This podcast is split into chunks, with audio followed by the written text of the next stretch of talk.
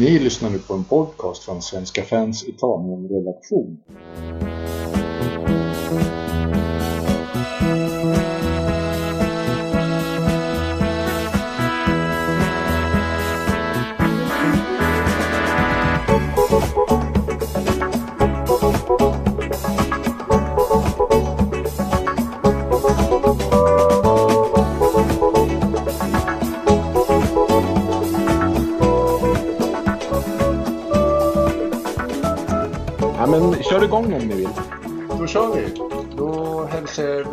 Till La Curva-podd nummer fem tror jag det är. Och vi har en specialgäst idag, Ekim Shala från, eller från och från. Han har skrivit boken Propagandafotboll som precis har kommit ut i bokhandeln. Och eh, Yes. med det temat så ska vi naturligtvis prata propaganda, fotboll och politik. Så ja, först välkommen eh, Ekim. Tack snälla. Och eh, med oss har vi också Mats Engman på Juventusforumet och vi har Soran Tahir på Roma-forumet. Välkomna! Tack så mycket. Eh, frågorna vi tänkte ta upp idag det är ju varför finns politik på, italiensk, på italienska fotbollsarenor men inte på svenska? Det är också när hör politik och fotboll faktiskt ihop? Och det tredje temat är ställningstagandet politiskt i kurvorna, höger och vänster. Hur mycket påverkar det ligan? Hur mycket påverkar det laget, spelarna och klubbledningen? Vi kör väl igång. Vad tycker ni vi ska börja med? Soran? Ja, vi kan väl börja med kurvorna kan, kan jag tycka. Härligt, men jag tycker nog att vi börjar med våran gäst Ekim. Vad säger du? Alltså, jag kan ju börja med att säga egentligen att min ingång till italiensk fotboll, det som gjorde att jag började bry mig mer om italiensk fotboll än många andra stora ligor var just läktarkulturen. Eh, att de här ytterligheterna och passionen verkligen fick uttryck på väldigt många, ibland extrema sätt, även politiskt sett och i hur man visar upp sin lagtillhörighet och så. Och politiken var ju väldigt synlig då och det har den varit sedan 60-70-talet åtminstone och framåt och 90-talet och sen när man själv kanske började titta på de här frågorna i början av 2000-talet så var det väldigt, väldigt synligt och jämfört med det, när jag själv kanske var lite mer så här, gick in på fototifo varje dag och kanske så här, ja, nästan uppdaterade sidorna ett par gånger liksom, om och om igen. Så sett från den tiden och framåt nu så är det så att väldigt många av de här politiska uttrycken har ju försvunnit. Och det tror jag hänger samman med just den här repressionen som väldigt många läktare har mött generellt, att de här gamla, flera av de här gamla grupperna som var väldigt, väldigt stora kulturbärare och bärare också av politiska ideologier faktiskt har upplösts. Så att jämfört med den tiden och fram till nu så är det ju väldigt, väldigt mycket mindre. Och hur det påverkar liksom spelarna, hur det påverkar ledningen, hur den här dynamiken mellan menar, olika grupper av det som utgör en förening, om man ska se till den aspekten, så kan man se att det kan bli problematiskt till exempel när, eh, om vi ska gå tillbaka till Lazio-exemplet så minns säkert alla när eh, Svennis uttryckte att ja, nej, men för att komma till bukt med de här problemen med rasismen så borde man värva in en rasifierad spelare. Han sa att man skulle värva in en svart spelare till exempel som någon sorts protest. Så märker man ju att ja, men det här är något som går ner till tränarbänken, något som stör en tränare som Svennis. Sen kanske det inte påverkar laguttagningen, sen så kanske det inte påverkar värvningspolicyn, men det är åtminstone en, liksom, en fråga som går ner till tankarna som finns på tränarbänken. Så det är klart det finns en så här korsbefruktning mellan vad som händer där ute och det som händer i klubben. Mm. Ser man historiskt så ser man att det finns generationer med spelare till exempel, hur andan har varit i ett omklädningsrum i olika klubbar i Italien, att det har varit mer vänstervindar eller vänster eller högervindar till exempel. Så där ser man att det hela tiden finns närvarande och Italien som ett väldigt, alltså där ett land där väldigt mycket politiseras så är det väl klart att det där kommer hänga kvar. Soran? Saknar man inte lite det? Alltså vänster och högerfalanger bland spelare. Jag saknar det jättemycket alltså. Ja. Ja, nej, men alltså på riktigt. Eh, liksom vad, vilka står till höger, vilka står till vänster numera? Du har ju ingen Lucarelli mot eh, Di Canio eller någon Miccoli eller något sånt. Du har inte den dragningen och den dynamiken längre. Jag saknar det. Mm. Och det ska bli kul med fotbollsspelare som faktiskt liksom, som står för någonting. Som, som har någon typ av, liksom, som inte bara är ja, liksom, vi ska kämpa tillsammans och bästa laget må bästa lag vinna. Liksom, utan som faktiskt har någonting att, att säga och- eller som, som använder sitt, sitt, liksom, sitt kändisskap för liksom, eller som i alla fall inte ser det som ett hinder för att tycka någonting. Mm.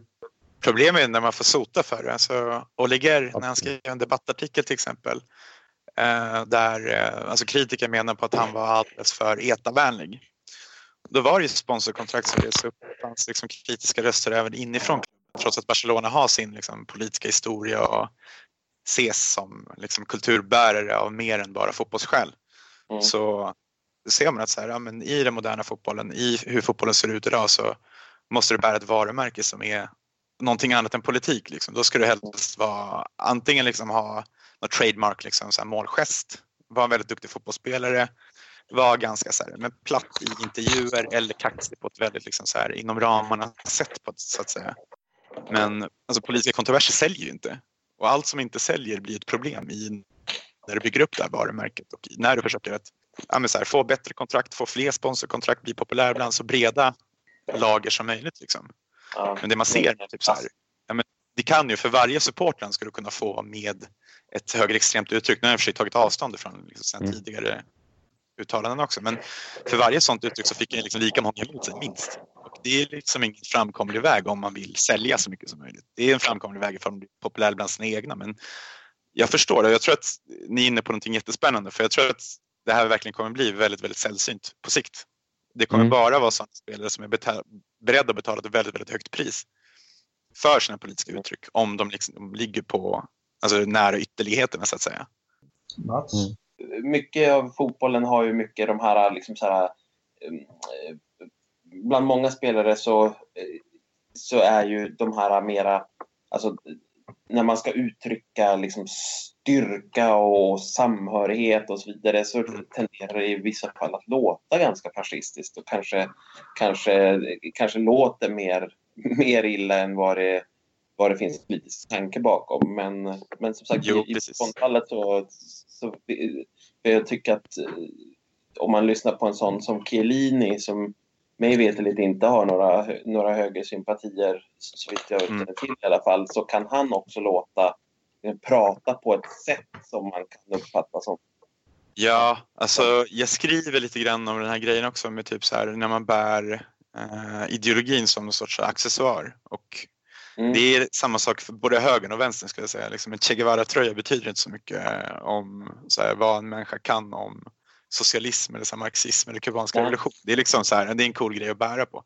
Mm. Jag fattar liksom drivkraften för många som är, även om jag inte har några som helst sympatier för så fattar jag drivkraften bakom att man använder typ ett keltiskt kors eller liksom så här någon mm. hänvisning till Il Duce som så kraftuttryck för att visa någon sorts här patriotism eller någon sorts tillhörighet som man tycker ja. är så här, ja, hårt varumärke som är nice att bära. Liksom. Ja. Så det finns ju, alltså, en, många av de här grejerna är jätteytliga. Det är jag väl medveten om. Liksom. Men det är fortfarande politiska uttryck, hur man än vrider och vänder på det. Det som gillar in, inställningen att man får stå för det man säger. Liksom så här, ja, men om du vill liksom ja. hålla på och snacka en massa, då får du liksom mena se till att mena någonting med det heller. Det går inte att komma undan med allting och säga nej men jag, det tänkte jag inte på eller jag menade inget illa. Nej, precis. Men sen, alltså det där är ju också så här, jag tror att det finns en liksom axel över det där också som handlar om eh, hur känd och hur alltså hur mycket hitpoints man har för att man är en väldigt duktig fotbollsspelare. Om man kollar på den här grekiska spelaren till exempel, Giorgio Katidis, så räckte det med en utsträckt högerarm. Alltså ska man titta på Alltså om man förnekar att det överhuvudtaget är ett politiskt uttryck, det som han gjorde till exempel den här matchen mot Verja, mm. så eh, då ska man i princip kunna acceptera, alltså om Buffon har kommit undan med tre, fyra sådana grejer, då ska i så fall Katidis komma undan mer än en gång. För han har liksom aldrig i efterhand sagt att ja, men jag gjorde det av politiska skäl och nu har jag ändrat mig. Utan han har sagt att han inte visste vad det var överhuvudtaget. Mats? Mm. Ja, men mycket har ni ju har ni tagit upp. Um, men, men jag tror att mycket handlar om, om man ser på de, de förändringarna som har sett under, skett under de senaste åren, att fotbollen idag är så, så pass globaliserad att det blir, blir mindre relevant att uttrycka lokala politiska eh, åsikter, eller lokala, eller nationella eller regionala som det i många fall handlar om. Eh, och då, då kanske det mister lite av sin relevans helt enkelt. Eh, men sen är det ju det är också intressant att se på att många klubbar har en väldigt en, så att säga, en politisk inriktning som går åt flera håll samtidigt. Eh, I Juventus fall så är ju Juventus i Turin betraktad som en som en borgarklubb eller den klubb som i politisk mening skulle stå till höger i så fall och, och Torino till vänster. Samtidigt så har ju Juventus en väldigt, väldigt stor del av sina anhängare i södra Italien som traditionellt då står ganska långt till vänster och, och där de flesta är, är, är Fiat Fiat-arbetare eller barn till gamla Fiat-arbetare som skaffade, sina, skaffade sig sina Juventus-sympatier under, under 50 och 60-talet. Så att det är, i, i, den, i, i den klubbens fall och i många andra klubbars fall så är det en politisk inriktning som går i, i två riktningar egentligen. Mm. Men hur, tror du inte att spelarna blir påverkade av, av kurvornas ställningstagande? Jag tänkte på Hellas Verona är ju ganska högerinriktad, eh, har en högerinriktad kurva och eh, spelarna berömmer ju hela tiden kurvan på något vis. Och att det, det blir ju ta ställning till även de dåliga sakerna som de gör. Är det inte lite så i de andra klubbarna också på något vis? Att det blir lite automatiskt att man indirekt eh, håller med? Förstår du vad jag menar Joakim?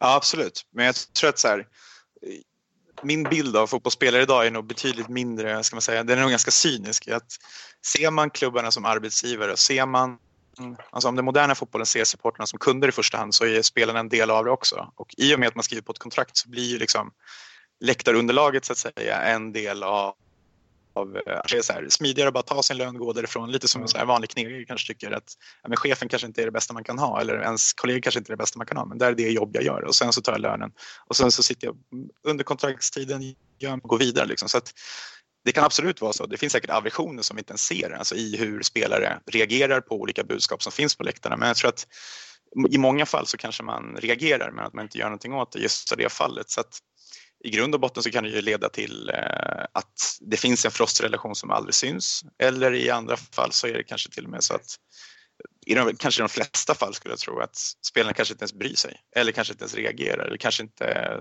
vill se. Så att det där kan vara på många sätt men jag tror att det är svårt att spekulera. Det blir mycket spekulationer om alltså, de aktörerna, de spelarna själva inte säger eh, vad den här relationen består av. Men om man kollar snarare på sådana som rycks med i den här stämningen så tror jag att det säkert finns flera spelare som kanske inte tycker men kanske vevar med någon flagga som har slängts ner på planen och sen så kanske de ångrar det när de märker att det finns ett politiskt budskap i det också. Så att det har vi sett också på med väldigt många sådana klubbar att är det högerinriktade läktare och en spelare eh, tar upp en flagga och så råkar det vara fel budskap så skyller man gärna på läktaren att ah, men jag tyckte inte alls det här. Och vi har ju något sådant exempel från till exempel eh, Fabio Cannavaro var det va, som när han firade med, tror jag var Real Madrid, så hade han en flagga med någon fascistisk symbol på. Mm. Där han senare förklarade med att ah, men det där ville jag egentligen inte göra men de fanns bara där. Liksom. Så det kan ju bli liksom konflikter på så många olika plan men det är väldigt sällan de blir väldigt explicita som de blir tvungna att gå ut och kommentera liksom, i medier och så. Men det finns sådana fall även om de men har vi inte haft ett sånt fall med Lulic när han eh, fällde en kommentar om Rudiger?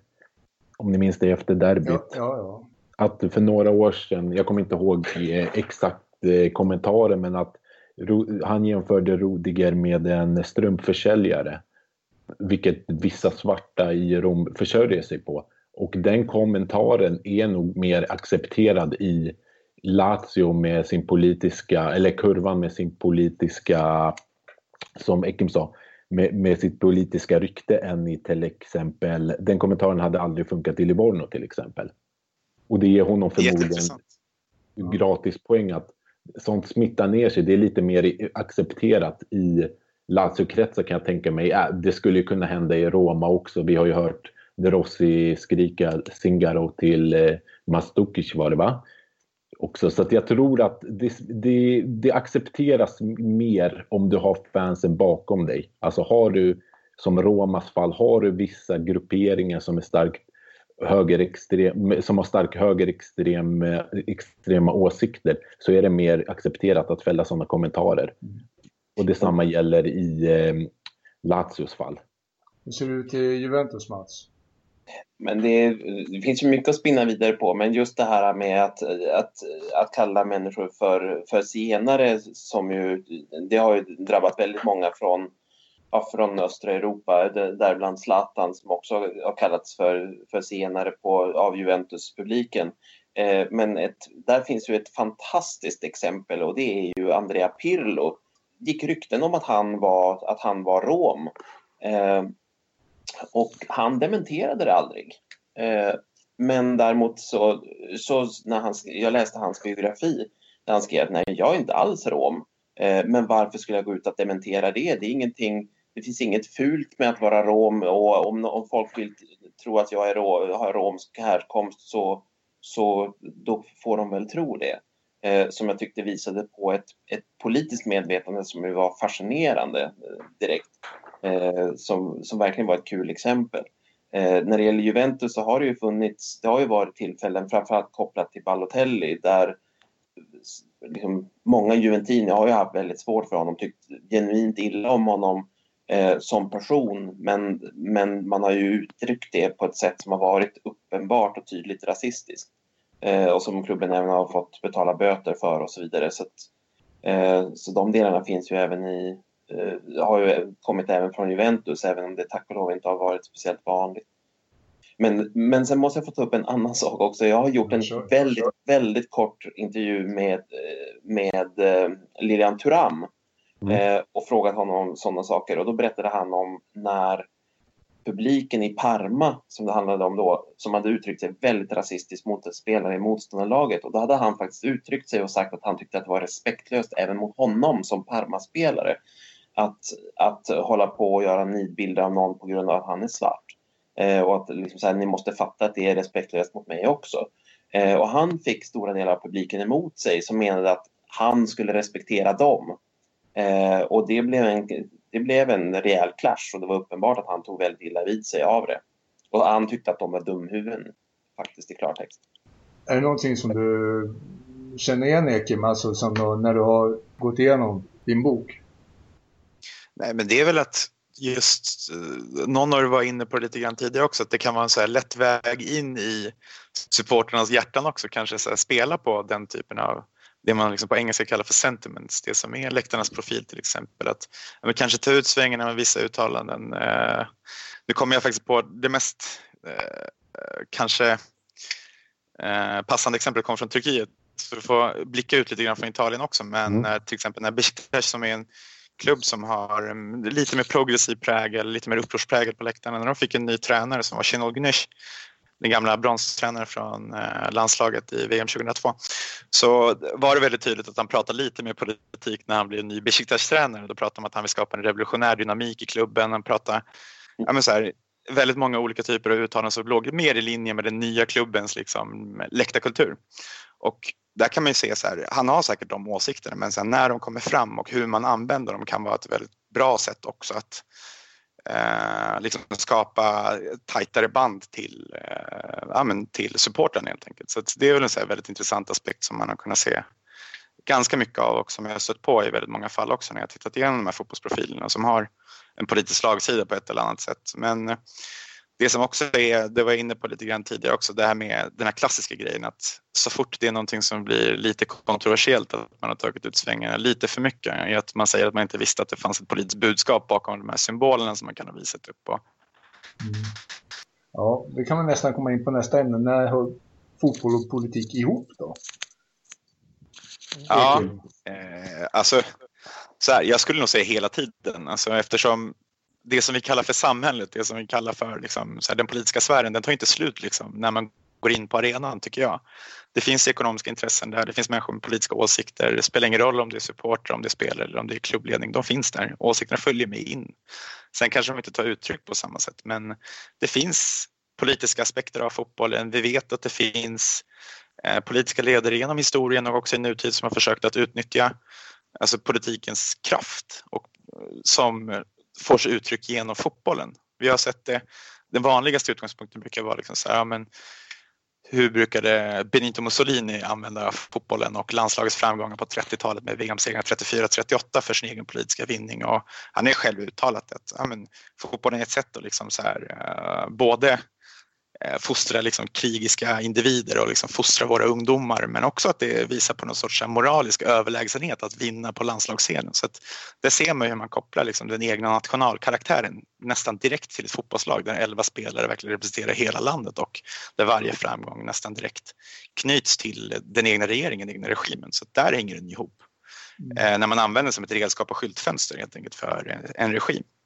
Men sen en annan så här jätteklassisk utgångspunkt som har blivit aktuell igen eh, genom utveckling på andra delar, i andra delar av världen, det är väl den här Berlusconi-politiken så att säga, hur man använder fotbollens språk, hur man använder fotbollen som en språngbräda för att bygga upp en politisk karriär. Och nu i efterhand så är det ska jag säga, alla de sociologer och statsvetare som har tittat på den här dynamiken mellan fotboll och politik och media som Berlusconi var eh, i framkant med att utnyttja har man ju liksom kunnat se ske också i Argentina. Alltså vi har en motsvarande Berlusconi-typ i Mauricio Macri till exempel som har lett eh, Boca Juniors också affärsman i grunden, sen varit ordförande i Boca Juniors och sen eh, tagit sig an en politisk karriär och varit borgmästare i Buenos Aires och idag är han president i Argentina och han kallar sig för Argentinas Berlusconi också. Så den delen finns ju också hur man använder eh, hur människor med politiska ambitioner kan använda fotbollen för sin egen politiska vinning. Och sen, alltså, vi kan ta som ett annat sådant exempel kan vi ta det här med hur man använder mjukmakt, det som kallas för mjukmakt i internationella relationer och statsvetenskap.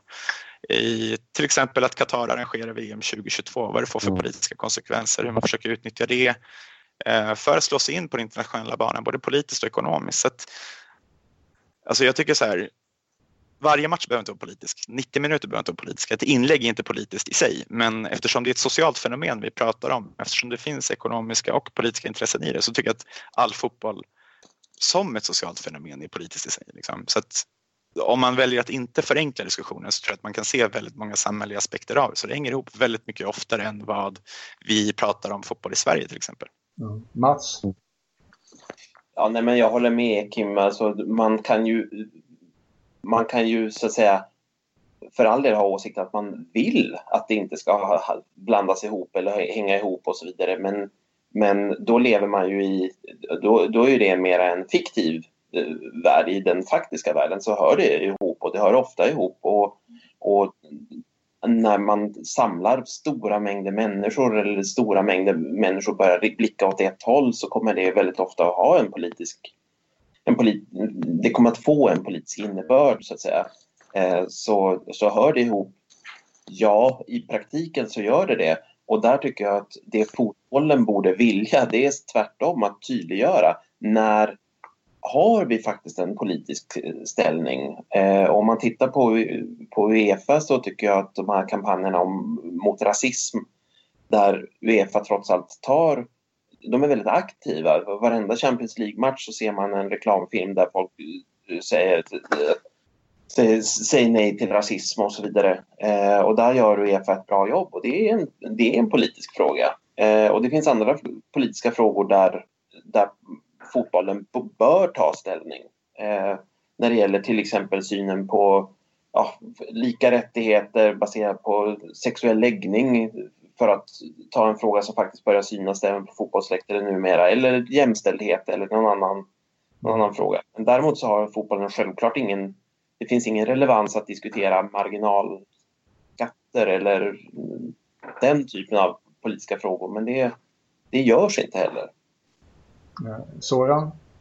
Ja, de matcherna som faller mig mest in i smaken, smaken det är de dynamiska matcherna där du har derby och tittar man på italienska matcher, alltså derbymatcher som Roma-Lazio så beskrivs det som en typisk derbymatch. Eh, arbetare mot borgare. Roma var ju tidigare arbetarklubb och Lazio var väl borgarklubb. Även i Milan har vi samma fenomen med Milan som arbetarklubb och inte som borgarklubb. Och det skapar ju någon viss historia och dynamik så att derbyt har ju uppkommit på grund av eh, både sam, alltså på grund av olika samhällsklasser och till det kopplade politiska ideologier.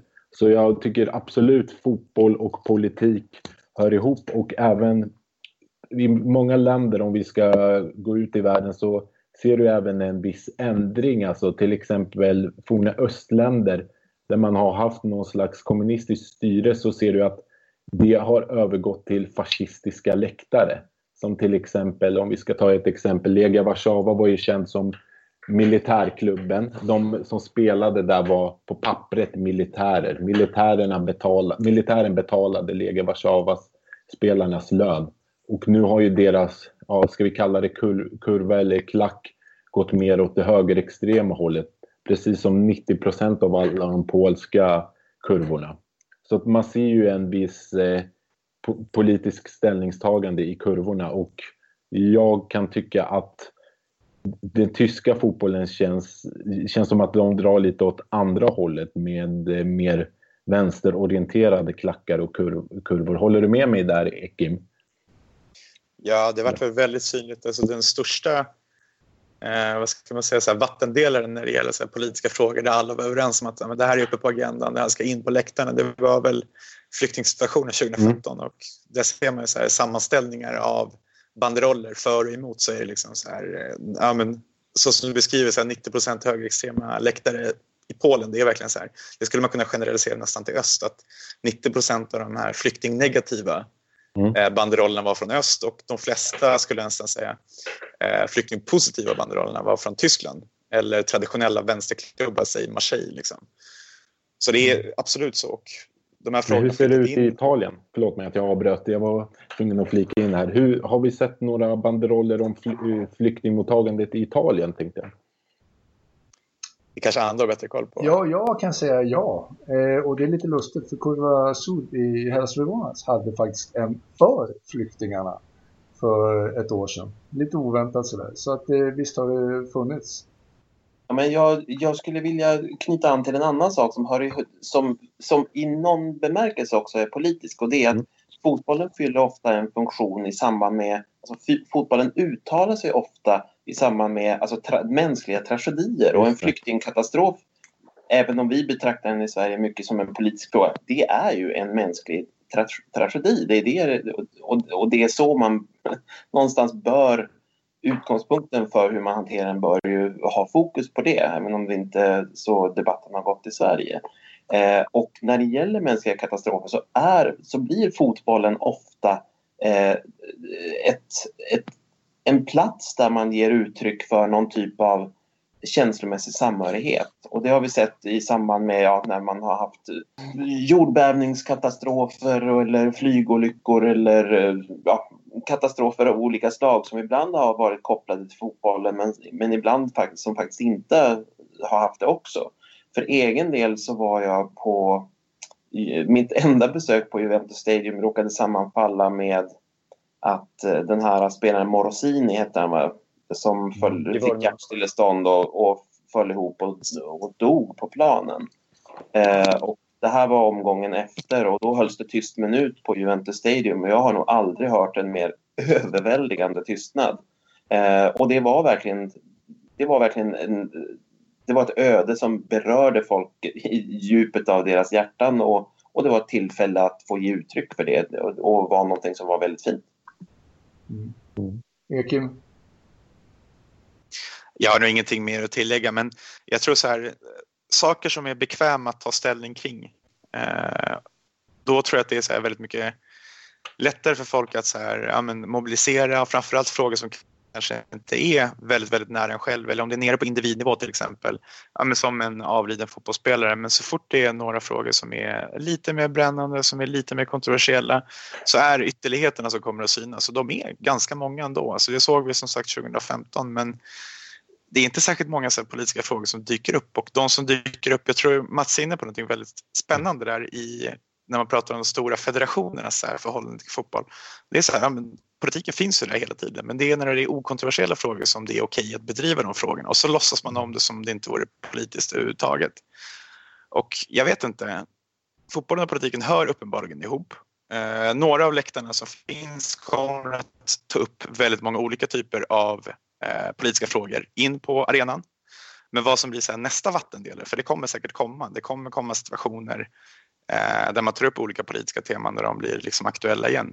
Det är det som är intressant och då kan man nästan så här, det är de frågorna som gör att man får någon sorts så här, lägesrapport om hur landet ligger politiskt i olika frågor. Alla klubbar är inte som så här, Pauli, att man vet om att så här, deras nästa budskap kommer att vara så här, supervänster eller att det är som Marseille eller om det är som Celtic eller om det är som Livorno medan man så kan utgå ifrån att ja, Lech Poznan och CSKA Moskva kanske kommer att ha så här högerextrema budskap och så. Men jag tror att så här, väldigt stora frågor eh, kommer kunna vara vattendelare och sen så kommer de traditionella höger-vänsterklubbarna, höger-vänsterläktarna köra sin grej och göra det ganska regelbundet. Om än i, som i Italiens fall, italienska läktarna i lite mindre utsträckning än tidigare. Så det kommer finnas där.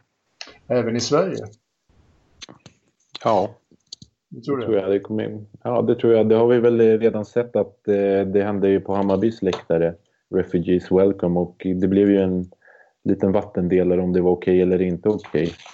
Mm. Och eh, jag tror vi kommer få se, alltså utan att få se uttalat så tycker jag ändå det växer fram någonting inom Malmö som går åt mer vänsterhållet. Eh, du får gärna rätta mig om jag har fel Eki, men jag får den känslan att Malmö går lite mer däråt vänsterhållet. Jo, hela situationen med Showan Chatak, det var ju efter mm. det som det var väldigt synligt. Det vart ju ett ställningstagande så tror jag att klubben i sig direkt ville peta i de politiska frågorna. Sen så, sen så är det så här, den inflikningen kan vi göra nu, det kanske borde gjort lite tidigare också. Det är den här frågan om så här, när en klack är politisk. Alltså vi mm. pratar ju väldigt mycket om så här, ganska generaliserande om att ja, men Livorno är väl kanske ganska vänster och St. Pauli är väl ganska vänster säkert och mm. Latios kurva är väl säkert ganska höger. Men om man ska se till så här, genomsnittssupporten på så här, ja, med sittplats som kanske liksom dricker sitt kaffe på matchen och kanske har sitt säsongskort är väldigt passionerad supporter. Så här, hur mycket binds de till de här politiska frågorna? Så att,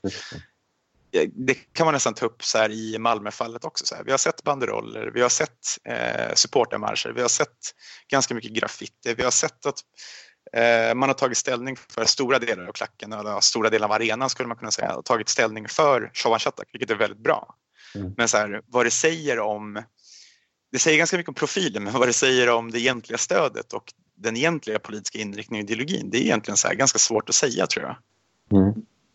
Mats?